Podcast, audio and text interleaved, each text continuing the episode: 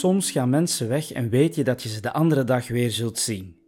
Soms gaan mensen weg en spreek je vaag iets af voor de volgende keer. Soms verlies je mensen uit het oog, maar is het een hartelijk weerzien op de jaarlijkse avondmarkt. Soms duw je mensen weg, om welke reden dan ook, en hoop je pas later hen ooit weer eens te zien.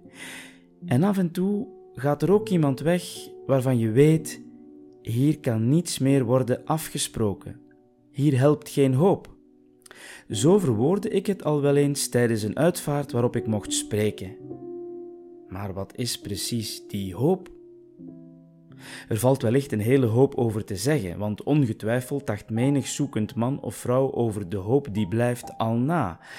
Ik heb die knappe koppen nog niet allemaal gelezen, maar ik vermoed dat er soorten hoop zijn. Bijvoorbeeld hoop als in hopen dat alles bij het oude blijft. En hoop dat als er iets verandert, je weet dat het weer goed komt. Hoop ook dat er altijd wel iets achterblijft. Want uit het ontbreken van dingen is vaak veel te leren.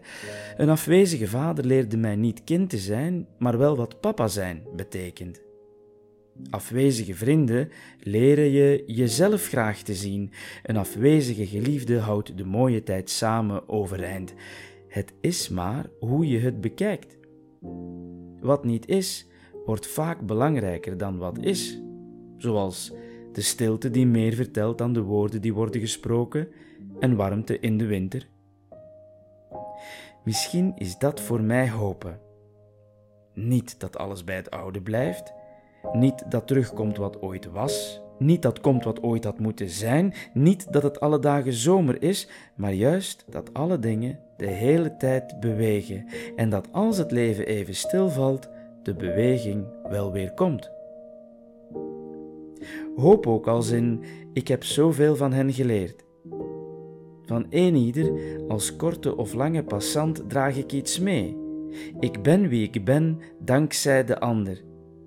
Ik op mijn beurt zit op de huid van menig een, soms als huidschilfer, soms als litteken, soms als eeltvlek, soms als begeleidende of troostende hand, soms als warm deken. Dat daarbij vaak niets meer af te spreken valt, verandert daaraan helemaal niets. Zo denk ik nu dus. Soms gaan mensen weg. Dat weggaan kent vele vormen. De definitiefste is de dood althans voor even en voor velen. Maar hoe dan ook, helpt altijd de hoop. Soms gaan dingen voorbij, zoals ik en deze woorden. Maar dankbaar ben ik voor wie ze al een tiende keer aanhoorden.